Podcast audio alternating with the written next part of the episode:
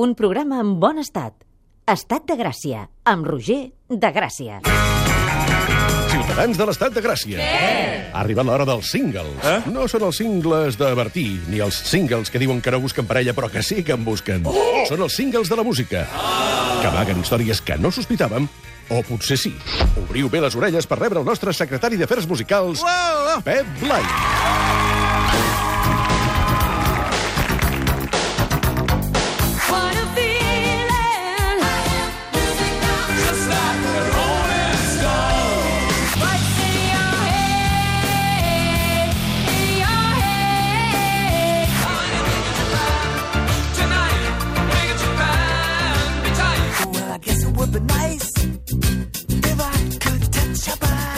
Molt bona tarda, Pep Blai. Com prova la Setmana Santa? Molt bona tarda, president. En prova, doncs, com cada any, les mateixes tradicions, que vol dir pencar tots els dies i algun d'ells anar a veure processons de Setmana Santa. Hosti, no et feia un home de tradicions a tu, Pep Blai? A veure, recorda, recorda que sóc tarragoní de naixement. Això és veritat. I a Tarragona la Setmana Santa és, és gairebé com els castells. És una cosa que des de petit t'hi porten, la vius, i a part jo tinc aquest component gòtic i sinistre que la Setmana Santa també el té, eh? un punt gòtic i sinistre. Sí, és veritat, sí. Eh, I tu tens alguna tradició teva particular, més enllà de les processons? Sí, cada any, cada any, cada any, per sistema, busco un dia, a poder ser el divendres sant, però no sempre és, en què m'escolto sencer el disc, no la pel·lícula, sinó el disc, Jesucrist Superstar. Jesus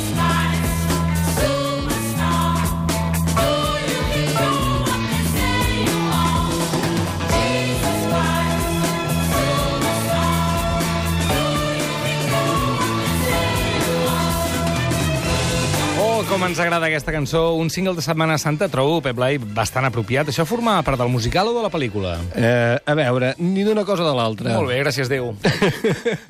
a veure, per començar, és que volia... Hi ha una cosa que la gent no sap, que és que Jesucrist Superstar no va començar sent un musical ni va començar sent una pel·lícula, sinó el primer de tot que va sortir va ser aquest single que estem escoltant, que era una cançó que interpretava Murray Head and the Trinity Singers, amb la música i la lletra composades pels autors del que seria el Jesucrist Superstar, que són Andrew Lloyd Webber i Tim Rice.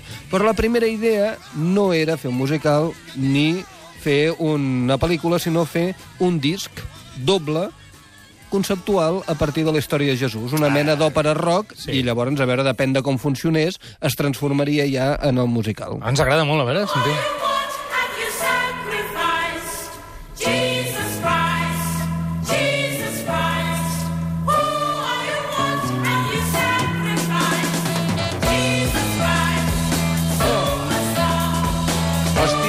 Això ho haguéssim posat a missa de tota la vida, eh, trobo que potser hi hauria més gent, eh? Bueno, ens haguéssim posat catxondos, però em sembla que els capellans, això de, dels musicals hippies no els hi feia massa gràcia. Eh? Però quan es va publicar, això va ser un èxit o, o què va significar en el seu moment, això? Home, va, va ser un trencament d'esquemes en molts sentits. És a dir, d'una banda, musicalment va ser un èxit i a nivell de significat doncs, doncs no era aquell Jesucrist que en principi es podrien esperar els catòlics o els cristians protestants més rigorosos. No?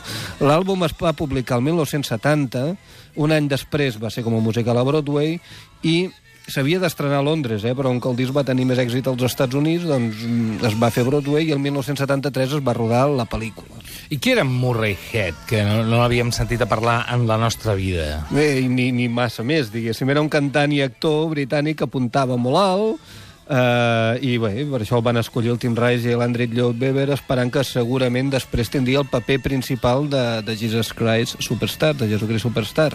Perquè, atenció a la data Moorhead no va fer de Jesús, sinó de Judas, que era el paper principal. La cançó Superstar no la canta Jesús, mm. sinó que la canta Judas. O sigui, Jesucrist Superstar no estava protagonitzada pel bo de la pel·lícula, sinó pel dolent.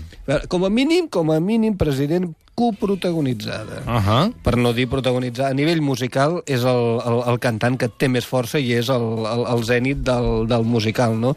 La gràcia de, és que, a veure, Jesucrist Superstar, Judas no era tan dolent com sempre, sinó que era més, més humà, més real, no? Llavors el musical el que volia era fer baixar a la terra Jesús, un home que tenia dubtes, patiments, que es qüestionava les seves decisions, i Judas és el que explica la història i no entén, a veure, per què et vols morir a la creu? És que no ho entenc de cap manera, no?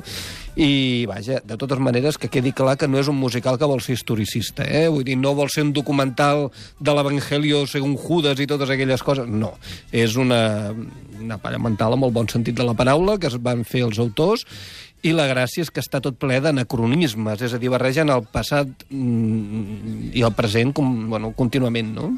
Jo crec que ara tocaria, en aquest moment dels singles, declamar una part de la lletra de Jesus Christ Superstar.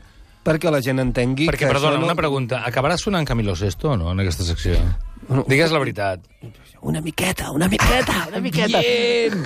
Molt bé, perfecte. Doncs tot esperant aquest gran moment, escoltem el mestre declamar Jesus Christ Superstar. Cada vegada que et miro, Jesús, no t'entenc. Per què vas triar aquell moment de l'antiguitat i en una terra tan estranya? Si haguessis vingut avui dia, podries arribar a tota la nació sencera, perquè Israel, quatre anys abans de Cris, no tenia mitjans de comunicació de masses. A veure, digue'm què penses dels teus amics, els teus companys que són com tu. Buda? Estava llavors on està? Està ara al mateix lloc que tu? Podia Mahoma moure una muntanya? A veure, volies morir així o va ser un error? O ja sabies que la teva mort tan bruta trencaria tots els rècords d'audiència? No m'interpretis malament, eh, que només ho vull saber. I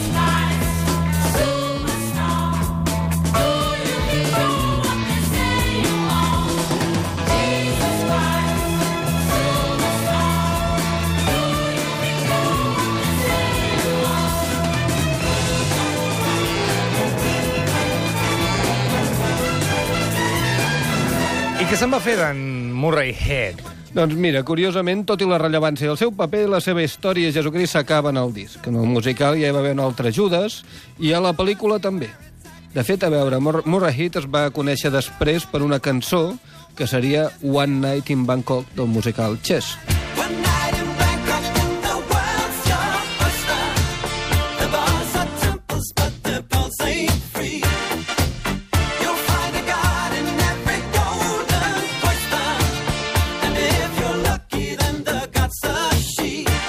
Quin horror, aquesta cançó. És, és, una, és un horror preciós.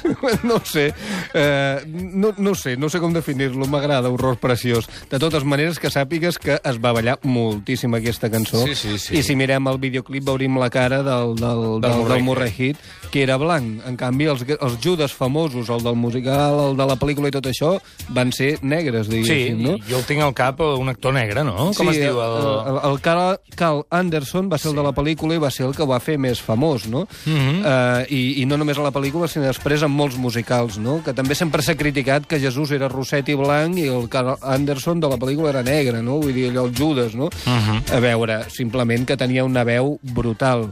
Uh, és curiós com va arribar una mica a la, a la pel·lícula, no? Perquè en principi um, ho havia d'interpretar Ben Veren, que era el, el, un senyor que era bueno, l'actor que estava fent el musical a Broadway, però durant la pel·lícula es va posar malalt i una de les raons era perquè perdia la veu per culpa dels registres tan alts, tan bèsties d'òpera rock que havien fotut el- el- l'Andrei Els Lloyd Webber sí, i el, sí, sí. amb el Tim Rice, no? Sí, sí, sí. sí. I era com una mena de maledicció. De fet, el Carl Anderson ho va, ho va aconseguir, se'n va sortir, però va patir molt al llarg de la seva vida i, de fet, va morir de jove de, de leucèmia, no? Sempre que hi ha hagut com una Carai. mica com, com un punt així maleït de veure qui fa Judas en el, en el musical Jesucrist Superstar, no? I també havia de ser un suplici, deixeu-m'ho deixeu dir, gravar aquella pel·lícula, que si mai la veieu veureu que està feta al mig del desert. El desert és realment el d'Israel. I això vol dir que estaven rodant a 40 graus. O sigui, imagina't, allò 40 graus en els millors moments. Uh -huh. eh, per aquells actors estar cantant amb aquells registres de veu allà al mig del desert, amb aquella calor que aquella, doncs realment ho recorden com un rodatge absolutament duríssim. I ara, avui en dia, jo no sé si mai hauria pebrots d'anar a rodar una pel·lícula a l'Orient Mitjà o Israel tal com estan les coses. Sort que anaven fresquets, perquè anaven així molt hippies i amb túniques i poca Sí, cosa sí, més, no? sí, Vull dir, sí, l'estètica sí. és hippie, de I l'època. descalços i tot això. La, gràcia, la gran gràcia del, del Je- Jesucrist Superstar era que era una visió hippie adaptada a les noves generacions de tot el que va significar una mica la passió de Jesucrist o la relació aquesta gairebé una visió gairebé budista de, de Jesucrist, no? I això, clar, doncs va, va aixecar també una mica ampolles en depèn de quins països i depèn de quins sectors. I el disc va ser, i la música, una icona per molta gent, fins i tot per gent de la música, no? Sí, bueno, a mi el meu amic, diguéssim, Gerard Quintana Sopa de Cabra, sempre m'ha dit que és un dels seus discos de capçalera, com també ho va ser per mi, diguéssim, no? Uh, és, està ple de rock and roll. Recordem el que he dit al començament, havia de ser primer un doble disc. Per tant, mm -hmm. les veus que es van triar no eren tant grans actors, sinó grans músics del rock. Per exemple, Ian Gillan, que era el cantant de Deep Purple, mm, diguéssim, bueno, pa, pa, pa, pa, pa, pa, pa, les bandes clàssiques del rock cantada, and roll per excel·lència. Sí, sí, sí, sí. Eh, ja sabeu que sóc una mica cutre cantant. Uh, ell va enregistrar per a l'àlbum la veu de Jesús i el van seleccionar perquè l'Andri Lloyd Webber es va entusiasmar quan va sentir cantar-lo aquesta cançó, Child in Time.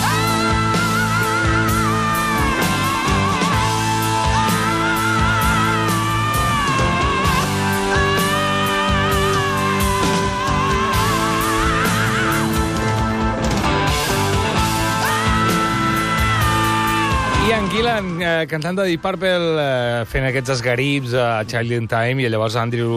Lloyd va dir, això és Jesús patint. Ja està, és Això ell, és Jesús és patint. ell, és ell, I és va ell. composar la cançó Getsemaní, que és la Mm. de l'hort de Getsemaní, la pregària en què Jesucrist es planteja per què m'han de matar a mi i està dubtant és la part més humana del musical. I ho va cantar ell. I llavors la Ian Gillan va lluir els seus crits aguts. Mireu com canta. Have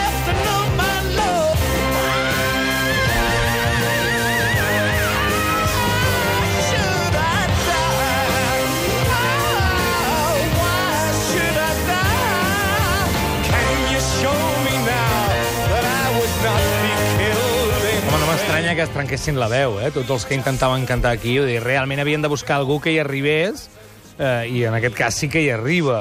Però hi havia altres músics, no, dius? Sí, els músics que havien de fer òpera rock. I els músics de rock no fan òpera, saps el que et vull dir? Sí, que sí, sí, sí, sí. A veure, hi havia, per exemple, en el repartiment és curiós que trobem un gran sacerdot que es diu Paul Raven, el nom artístic del cantant és Paul Raven, Paul Cuervo, no? Cor. Uh -huh.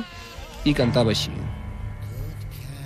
Caiaphas, the council waits for you. The Pharisees and priests are here for you. Ah, gentlemen, you know why we are here. I qui era aquest Paul Raven? Perquè a mi pel, pel nom no me viene nada, eh, per Paul Raven. Doncs resulta que més endavant va ser una estrella del glam rock amb el nom de Gary Glitter i Ah. cantava això. Ui, aquest sí que em sona. Bom, Ei! rock and roll. La mare que va fer. A veure, Gary Glitter no és que fos el més sofisticat de les estrelles del, del glam, però sí que va ser molt famós i va tenir un moment molt bèstia. No, no, no, va, no va acabar a presó, Va el Gary Glitter? Eh, això és el que anava a dir. Vull dir, va passar de ser el dolent d'un disc transcendental de la vida de Jesús eh, a convertir-se en una estrella del maquillatge, es disfressava als escenaris i va acabar a la seva vida a la presó acusat d'abusos sexuals a menors d'edat a Thailand. Veus, veus que em o sigui sonava que això. més val canviar de tema. Fora, fora Gary Glitter. Eh, la que feia de Maria Magdalena, qui era? Era Yvonne Elman. Oi, I ho va fer tan bé que la seva cançó va ser el segon single. És a dir, a més a més de la cançó Superstar que hem sentit al començament, Sí. l'altre single que es va fer molt famós i va patar tots els tops era aquest, I Don't Know How to Love Him.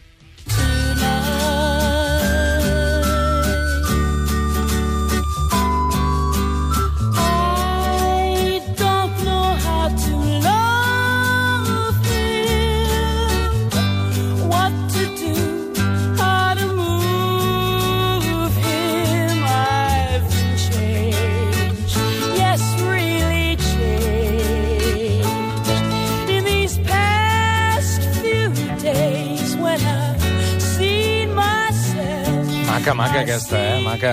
Sí, a més a més, mm, és molt maco el fet de que Maria Magdalena amb aquesta cançó diu no sé com estimar-lo. Mm. Si com un home que em posa catxondo perquè m'estic enamorant o mm, l'haig de veure com un déu que està per sobre de nosaltres, i això l'en- l'angonieix a la senyora, no? A tu et passa això també, no? Puja la música. He's just a man. Ai, que anirem a l'infern per dir aquestes coses. Ai, senyor. Ivonne Elman eh, mm, va fer alguna, va fer alguna cosa més? Està viva? Està, què, què fa avui en dia Ivonne Elman? Com està? Què veure. esmorzat avui? Realment la Ivonne Elman es va... la- L'altra cosa famosa que va fer, diguéssim, seria de segona veu d'Eric Clapton durant molts anys. Va, ja està bé, és una bona carrera. Els, cors aquells de la bé. Shot de Sheriff i Bé, tal. bé, bé, I bé. així en solitari eh, va fer doncs, una de les cançons més famoses del Fiebre del Sábado Noche, Ah, sí? If, I can, if, if I Can Have It. If I can't have you, Ah, sí?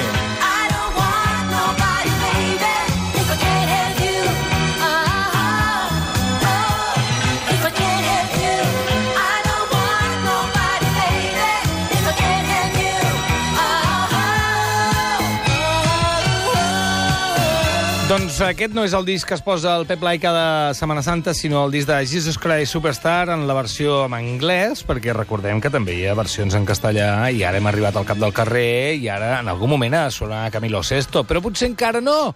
Potser d'aquí un minut i mig, perquè abans ha de sonar... Qui ha de sonar? L'Àngela Carrasco, yo no sé cómo amarlo. Basta ya de angustias, deja los problemas, olvida las penas. Yo sé que nada va a pasar, todo estará en paz. Esta noche debo descansar, pues el mundo sin mí seguirá. Duerme bien, duerme bien, con el sueño podrás olvidar. És que es va poder fer Jesucristo Superstar en l'època en la que es va poder fer, realment? Temps de Franco, temps de Franco. L'església al costat de la dictadura, els catòlics absolutament considerant blasfem tot el que fos relacionar amb el hipisme o qüestionar un munt de coses de Jesús. Però mm, el director Jaime Pilicueta va explicar uns anys més tard que va decidir colar-ho com si fos una representació de la passió de Jesús i en els moments en què hi havia les frases com aquella que hem dit abans de Buda o coses d'aquestes així que poguessin qüestionar o fer-se plantejar idees, ho cantaven d'una manera més allò que sense vocalitzar perquè no s'entengués. de veritat. Tan difícil i tan fàcil De com veritat. això, diguéssim, no? Ai, puta, com estàs? Mahoma, A veure, era la manera de colar-ho, perquè si no, no ho haguessin... I, I va ser tot un hit a, a l'estat espanyol. I és curiós que Judas va ser interpretat per el Teddy Bautista, que és aquell cantant canari o músic canari, de fet, que va ser director de la Societat General d'Autors Sí. i que també va fer el paper de Judas a l'ESGAE perquè va trair tots els músics associats a emportar-se pasta i va ser jutjat, a més a més. O sigui que, El paper de Judas està una mica maleït, eh, amb tots els qui l'han fet, realment. Però el millor de tot va ser, sens dubte, el Ara. Jesús de Camilo Sesto, Ara. quan encara tenia veu per cantar, quan només ell era capaç d'arribar a aquests registres tan, tan, tan alts. Camilo!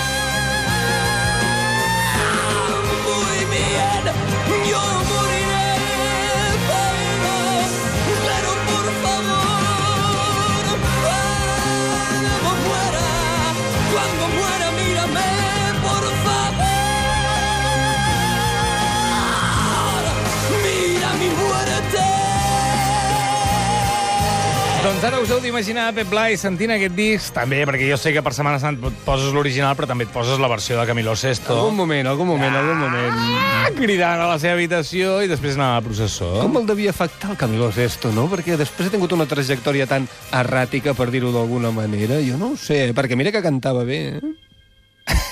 És que és un personatge molt bèstia, eh? Camilo Sesto, Setmana Santa, Jesus Christ Superstar, eh, que vagi molt bé, Pep Blai. A veure, tradicions de Setmana Santa i portarem la nostra creu d'haver posat Camilo Sesto Catalunya Ràdio. No us enfadeu, si plau. estava justificat. Adéu, gràcies!